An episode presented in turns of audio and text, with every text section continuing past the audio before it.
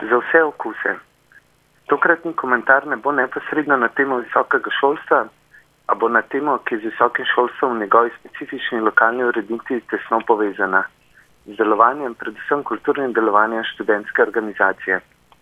Natančneje, ukvarja se bom z načrti za reformo kluba K4 in združitve študentskih medijev v prostorih Radio Student. Podrobnejše analize političnega in finančnega dela tega podviga so bile že podane, tudi na radio, ki ga pravkar poslušate, da se bomo sredotočili le na splošno logiko in argumentacijo lažnega populizma, s katerim študentska organizacija upravičuje svoje početje. Kaj je osnovni argument za spremembe programa kluba K4 in poskuse marginalizacije študentskih medijev? Tako funkcionarji študentske organizacije, kot verjetno najmajhen del študentske populacije, pravijo, da je problem programska oskost K4 in študentskih medijev. Ti naj bi bili preveč avantgardni in preveč alternativni. Na trenutke se močita celo snobizem in indiferentnost do študentskih množic, kateri, katerih okusi so raznoliki in morda malo manj zahtevni kot okusi urednikov na radio študent ali tvorcev programa K4. Lažni populizem izhaja iz detekcije realnega stanja okusa študentskih množic.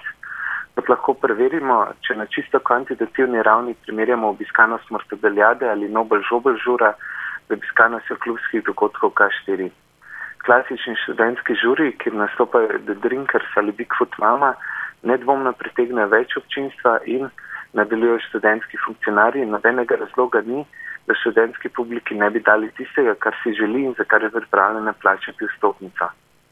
Zakaj bi študentskim denarjem financirali kulturno-medijske dejavnosti, ki študenti sploh ne marajo in ki se jih udeležujejo relativno majhnem številu?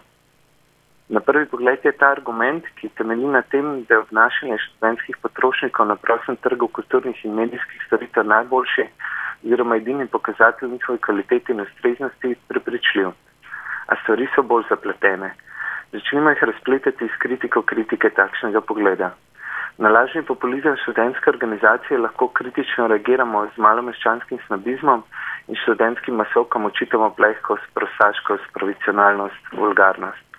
A ta kritika je omejena, saj je moralistična in viktorijanska, ter kot problem vidi določen način obnašanja študentske populacije, s čimer zgreši bistvo problema in kot rešitev vsaj implicitno ponuja malo meščansko zadržanost in namikanost, kar je, če kaj, še slabše od klasičnega študentskega razvrata. Zdaj seveda ne impliciram, da so vsi kritiki bede študentskega žuranja viktorijanci in moralisti, uporaba malomeščanskega snobizma vseeno kaže na neko zagato pri kritični refleksiji problema študentske kulture in zabave. Ta zagata izhaja iz nepravilne definicije problema. Ne gre za to, ali je takšno ali drugačno obnašanje študentske populacije v skladu s temi ali onimi moralnimi normami ali abstraktnimi kriteriji meščanskega dobrega okusa. Kritika, ki temelji na meščanskem dobrem okusu, ni daleč od prezira, ki ga omikano meščanstvo izraža do načina zabave in vsakdanjega življenja delovskih množic. Nobizem je drugo ime za razredno sovraštvo. A to vseeno pomeni, da moramo, kot, be, kot to počne del akademskih kulturnih študij ali populistične levice, da bi se izognili pasti snobizma, nekritično slaviti kulturne šege in navade plebsa.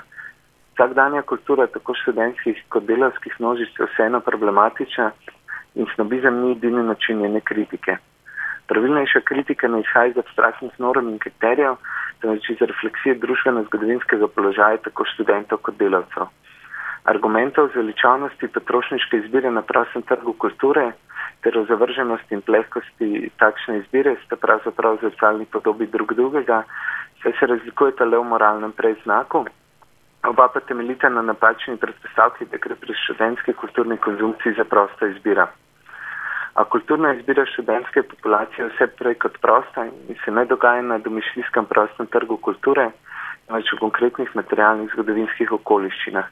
Pleh od vse izbire ni, kot predvidevajo malo meščanski snobi, izraz pomankanja bildung ali okusa, temveč izraz družbene podrejenosti in kulturne prikrajšanosti študentskih množic, predvsem njenih tistih delov, ki prihajajo iz podeželja in iz revnejših družin ker nimajo denarja za sobe v meščanskih stanovanjih in za više sfere kulturne konzumpcije, so segregirani v študentski geto, kjer se kulturna prekrašenost spremeni v vir vsaj minimalnega ponosa, čutka pripadnosti in samoafirmacije ob siceršnem konstantnem kulturnem izključevanju.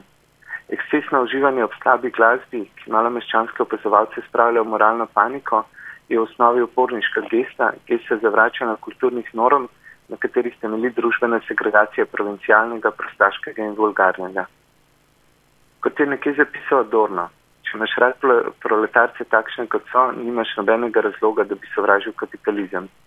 Podobno velja za študente njihovo kulturo, čeprav je tu linija družbenega izključevanja in segregacije nekoliko drugačna. V vsakem primeru kritične refleksije študentske kulture ne moramo ločiti od kritične refleksije njihovega družbenega položaja in za razpravami, ki ostajajo v višavah dobrega okusa in tržne racionalnosti, ne pridemo daleč.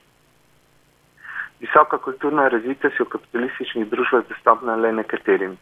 Tistim, ki imajo dovolj časa in dovolj malo eksistenčnega stresa, da se lahko s tem res temeljito ukvarjajo. Visoko kulturno razvitost se namisli lisičjih ovratnikov na opernih predstavah, vse večina meščanskih omikavcev resno kulturno zaostala, temveč se redke točke avtonomne kulturne produkcije, ki je sposobna kritične družbene refleksije in ki se uspe iztrgati tako diktatu trga kot konzervativne meščanske omike, za katero skrbijo velike nacionalne kulturne institucije. Le temu tipu kulturne produkcije lahko uspe, vsaj včasih in vsaj začasno, razbiti usiljeno in mučno izbiro med meščanskim snobizmom in populistično plehkostjo, ki dominira kulturno produkcijo kapitalističnih družb in omogočiti občinstvu dostop do dejansko naprednih in kvalitetnih kulturnih vsebin. To je družbena funkcija avantgarde in alternative, kamor spadate tudi klub K4 in radio študent. Štetje predanih vstopnic na študentskih masovkah pomeni le cinično registriranje realno obstoječe kulturne prikrajšanosti študentskih množic in neblagohotnega podrejanja njihovemu okusu, pri čemer študentski funkcionarji, čeprav drugače ne dvomimo o njihovem altruizmu, še mimo grede nekaj malega zaslužijo. Po drugi strani medijske in kulturne institucije, kot sta K4 in REŠ, pa tudi kinoteka in številni lokalni avtonomni kulturni centri, kljub svojemu manjšemu dosegu okus študentskih množic razvijajo in omogočajo vsaj minimalno pribežališče pred kulturno bedo kapitalizma, razpeto med komornostjo in komercialo. Izlet na področju študentske kulturne politike sem tvegal Primoš Krašovec.